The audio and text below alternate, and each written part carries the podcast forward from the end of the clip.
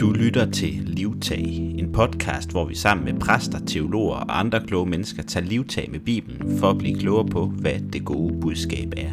Dette er det andet afsnit af min samtale med Raymond Jensen om Matthæus kapitel 7. Og hvis du ikke allerede har hørt første afsnit, så gå lige tilbage til det. Jeg læste en tekst øh, fra min kone i morges, inden, inden hun tog øh, afsted på sit arbejde.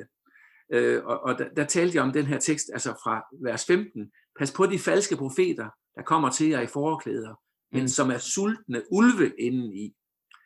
I kan kende dem på det, de gør. Kan man måske plukke druer af en tjørnebusk, eller finer af en tissel? Mm. Nej, et sundt træ bærer gode frugter, og et rødent træ bærer dårlige frugter. Det kan ikke være omvendt. Et hvert træ, der ikke bærer god frugt, bliver fældet og kastet i ilden. I kan altså kende de falske profeter på resultatet af deres handlinger. Mm. Og, den, og det var med reference til den her tekst, men jeg læste faktisk fra min kone en, en bibelsk meditation af en af mine teologiske øh, forbilleder, som er en øh, tysk øh, teolog, der hedder Gerd Theisen. Ja og som også har undervist øh, i tilbage i, øh, i 80'erne i Danmark øh, på Aarhus Universitet. Og han har et fantastisk godt billede, øh, meditation over altså Lukas evangeliet og Matthæus evangeliet, altså med henvisning til bjergprædiken, hvor han taler om træ og frugt. Mm.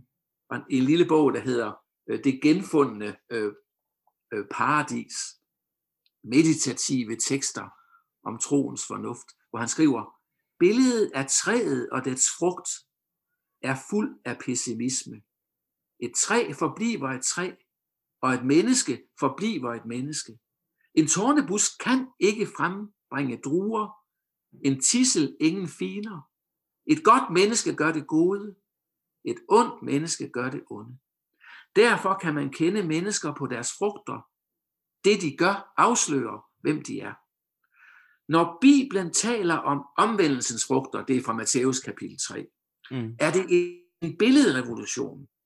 Hvem har nogensinde set et træ, der vender sig om? Hvem har nogensinde set en tornebusk frembringe druer? Træer er indbegrebet af det, der bliver stående. Tornebuske bliver ved med at stikke. Kun mennesker vender om. Kun mennesker er frisatte fra skabelsens tvang. Om nok så meget erfaringsvisdom taler imod det, så siger Bibelen, et dødt træ kan igen bære frugt. Et menneske kan endnu engang begynde på sit liv. Et pessimistisk billede er blevet til et håbsbillede. Mm. Altså mennesket kan omvende sig. Ja. Mennesket kan nyorientere sig mennesket kan blive koblet op på det guddommelige. Mm. Mennesket kan komme i kontakt med Guds tilgivelse, kan få Guds tilgivelse, og kan dermed forandre kurs. Det er vores mulighed. Og det er det glædelige. Det er det. Det er, også, det er også der opgaven ligger i. Altså, han taler også her om vejen her, altså den her, den smalle sti og den brede vej.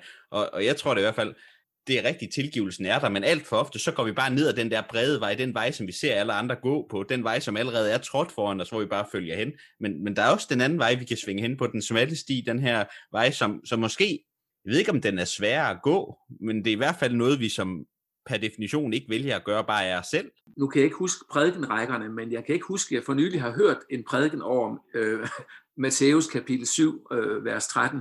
Altså, I skal gå ind af den smalle port, øh, den brede vej, den brede port fører til, til undergang, og mm. vejen der er også bred. Og der er mange, der går den vej. Altså, hvad menes der?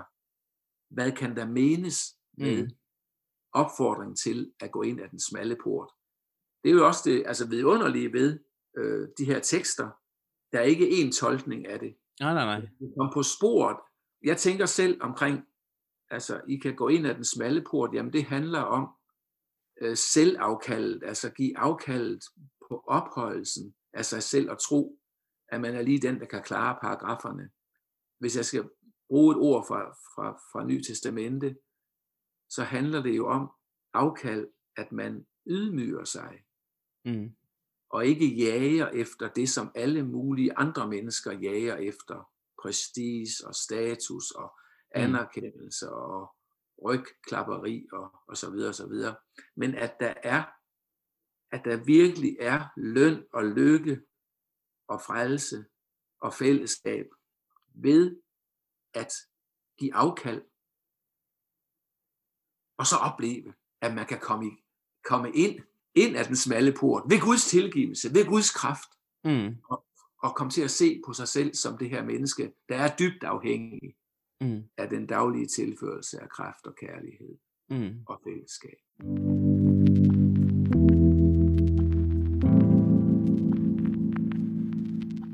Men nu nævnte du jo den gyldne regel også.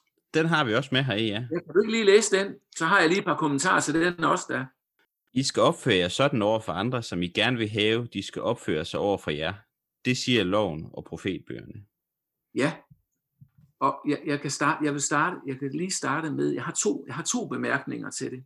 Det første er igen noget, jeg faktisk lige læste her til morgen hos en, øh, hos en gammel, gammel, gammel vismand, Mm-hmm. øh, som var født i 1898 og som døde i 1996. Den tidligere forstander på Askov Højskole, han hedder Knud Hansen. Ja. Man betragtede ham som, som den femte evangelist i visse kredse, fordi han var så indlevet i de her tekster. Han har en lille øh, historie, hvor han lige fortæller nogle rabiners udlægning altså af den her øh, grundregel, men som, som sådan set var negativ. Det, som I ikke vil, at andre ikke skal gøre over for jer, det skal I heller ikke gøre over for dem. Mm. Hvor det, det her, det, altså det er jo sådan en forsigtighedsregel, øh, siger han, at nogle rabiner havde den udlægning, ikke også? At det, som I ikke ønsker, at andre skal gøre mod jer, det skal I heller ikke gøre mod dem. Så er vi tilbage her i nærmest i coronatiden, ikke? Der skal være afstand, Ja. og vi skal være forsigtige. Men det, siger, det er jo ikke det, Jesus han siger. Han siger, I skal opføre jer sådan over for andre, som I gerne vil have, de skal opføre jer over for jer.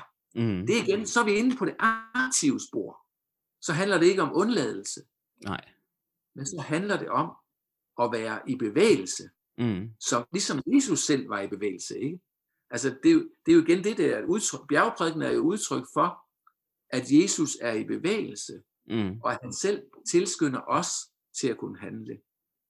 Da jeg var lidt yngre, øh, da jeg begyndte som præst, øh, der havde jeg en kollega i Silkeborg. Han, han var altid lidt fræk, så han kaldte den den gustne regel.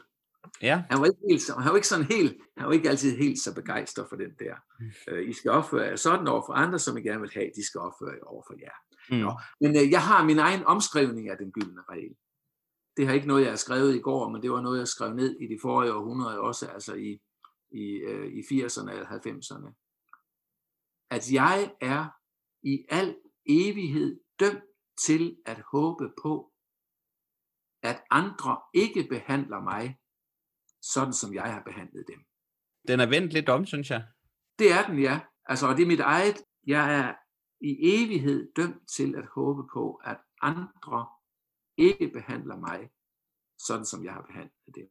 Og hermed tager jeg så ansvar for, hvordan jeg selv optræder, Mm. hvordan jeg selv har opført mig, hvad jeg selv har gjort mig skyldig i, Mm. Og skulle jeg få igen med samme mønt, ja, det kan jeg sagtens få fra mennesker omkring Mm. mig, både fjernt, de fjerne og de nære. Men der er evangeliet jo igen, at vi ikke får, vi får ikke igen med samme mønt, som vi selv Mm. har givet ud. Og så er til, tilskyndelsen er jo her, at vi skal, vi, skal, vi skal gå i gang. Vi må i gang mm. altså, med at gøre noget godt for vores næste. Mm. Ikke? Det er jo tilskyndelsen. Ja, altså jeg, synes jo også, det, det her det handler ikke om at begrænse overhovedet. Altså man kan jo godt læse det som begrænsning, men man bare sådan skimmer hen over det. Men det her det handler om mulighederne.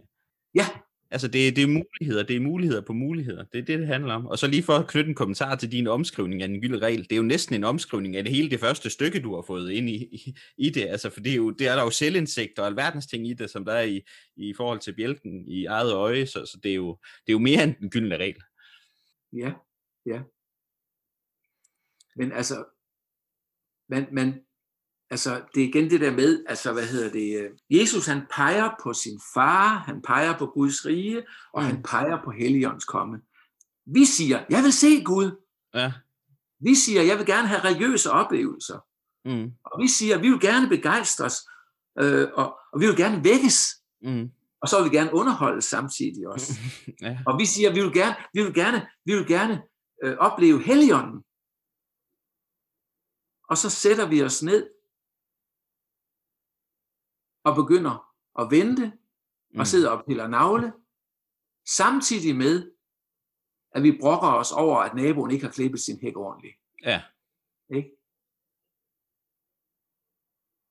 Altså, vi er nødt til at begynde, vi er nødt til at begynde med os selv. Mm. Og det igen, det er et af, altså jeg tror, jeg sagde lidt tidligere i dag, at, at, at de ord, vi hører her i bjergprædiken, de er både til trøst og kritik. Mm. Jesus siger et sted, og det er så hos Lukas øh, i kapitel 15, altså hvor han fortæller historier, til nogle, som stolede på sig selv. Altså, vi er nødt til at få fat på os selv.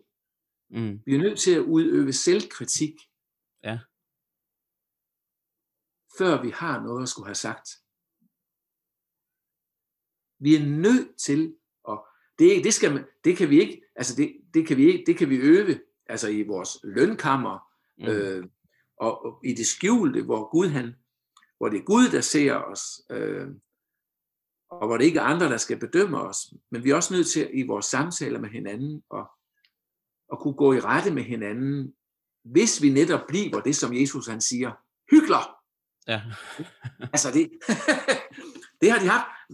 Hvordan skal vi oversætte det ord? Hvad er det nu, det betyder? Hygler. Ikke? Det er rigtigt. og, og der, går han jo lige på, ikke? Det gør han. Og det er da rigtigt.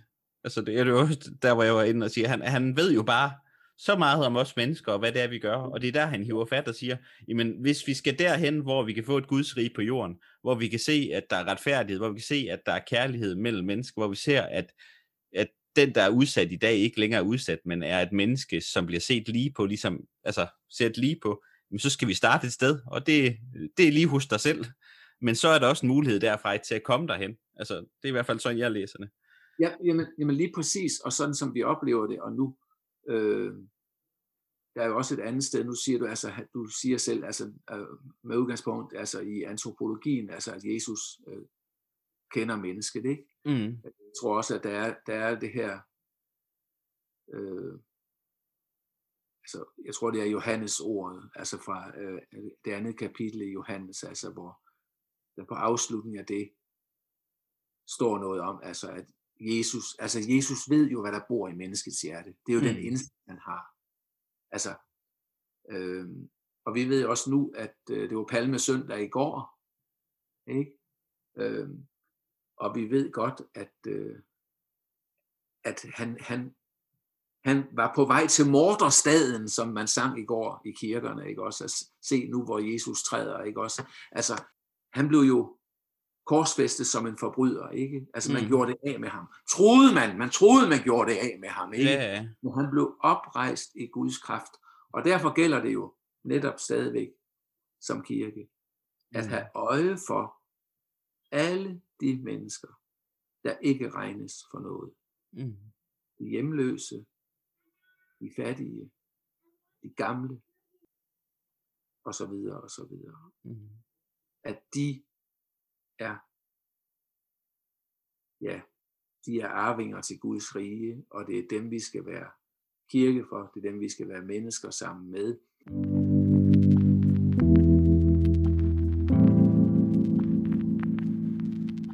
Vi har hørt evangeliet om Jesus Kristus, fordi han døde på korset og blev oprejst. Ikke i egen kraft, men i Guds kraft, i Helligåndens kraft. Og vi har ordene, han sagde, Mm. evangelierne om ham. Og det, det, er, det er dejligt, altså, altså du kan se, du siger med det samme, det handler om muligheder, det Mm. handler om at gå i gang.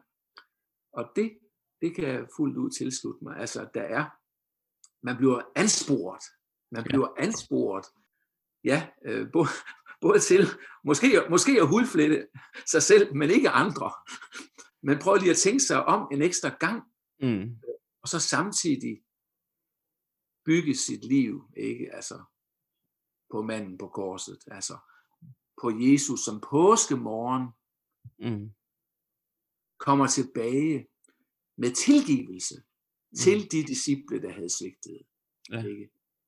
Det var jo ikke kun Simon Peter, der svigtede, men Det gør nok alle hans disciple, også den dag i dag. alle forrådte de kærligheden, men kærligheden forråder ingen. Men det er den sammenhæng, der ja. er i evangelierne mellem opstandelse og tilgivelse. Ja, Der er en dyb, dyb sammenhæng i teksterne, øh, når, vi, når vi læser påskebudskabet, at Mm. Jesus kommer tilbage. Tillid, tilgivelse og en ny tilsigelse til at vogte hans jord. mm. At tage os af mennesker. At elske mennesker. At I skal opføre jer sådan over for andre, som I gerne vil have, de skal opføre sig over for jer. Mm. Så er vi, så er vi tilbage på sporet, så er vi nu holde fast Ja. på vores opgave. Ikke også? Og det kan være en smal vej at gå. Og den kan kræve afkald af- af os. Mm. Men det er vel sådan, det er vel sådan, det skal være.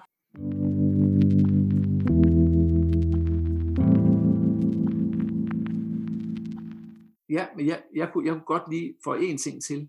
Ja. Fordi det er igen det, altså, øh, man, bjergprædikenen, altså, hvordan skal man, hvordan skal man læse, øh, Mm. øh, høre bjergprædikenen? Altså, er det, er det et syndespejl, som bare viser os vores egne fejl, altså et syndespejl, eller er det et kærlighedsspejl? Mm. Øh, og, og, og da, altså, øh, Bob Dylan han siger nogle gange, når han har, når han har hørt bjergprædikenen forkyndt, den gamle digter, der snart bliver 80 år, Ja. ja. når han hører bjergprædikenen forkyndt, så er det som om han kravler tilbage over glasskårene, fordi han godt kan se, au, au, au, au. Men samtidig, så er bjergprædikenen er jo, den handler jo om nyskabelse. Mm. At Gud skaber nyt ud af det, der er dødt. Ikke? Ja. Og det er jo os. Det er os, som Gud vil omvende, Mm. og som Gud vil nyskabe igennem sit ord og igennem sin tilgivelse. Men bjergprædikenen, det er ikke bare et syndespejl, hvor vi ser Nej. alt det dårlige, vi har gjort, men det er et kærlighedsspejl, hvor vi ser, at vi er Guds børn, og at vi er Jesu disciple, og at vi er regnet med, Mm. og at vi har betydning, og at vi er draget ind i Guds rige Mm. gennem Jesus Kristus. Jeg tror, vi slutter på den note. Og så vil jeg sige dig ja. tusind tak for snakken her, og for nogle lærerige ord. Og så har, har du allerede lovet, at du vil komme igen lidt senere på året. Øh, nu har jeg jo sat mig en kæmpe opgave for, øh, og vi ja. Ja. læse hele Bibelen. Øh, det bliver nok hen over mange, mange år, i hvert fald på den her måde. Men vi tager Fantastisk, det, det synes jeg er fantastisk. det, jeg tror også, det bliver fantastisk, men det bliver en længere rejse. Men i hvert fald tusind tak, fordi du har haft lyst og mod til at tage et lille skridt af vejen sammen med mig her i dag. Det har jeg været rigtig glad for, og det er jeg helt sikker på, at dem, der lytter med også har. Så tak for i dag. Tak Christian. Du lyttede til Livtag, en podcast, hvor vi sammen med gæster tager livtag med Bibelen for at blive klogere på, hvad det gode budskab er. I næste uge får jeg besøg af præst Simon Ingmose fra Holbæk Frikirke, og jeg håber, du har lyst til at høre med.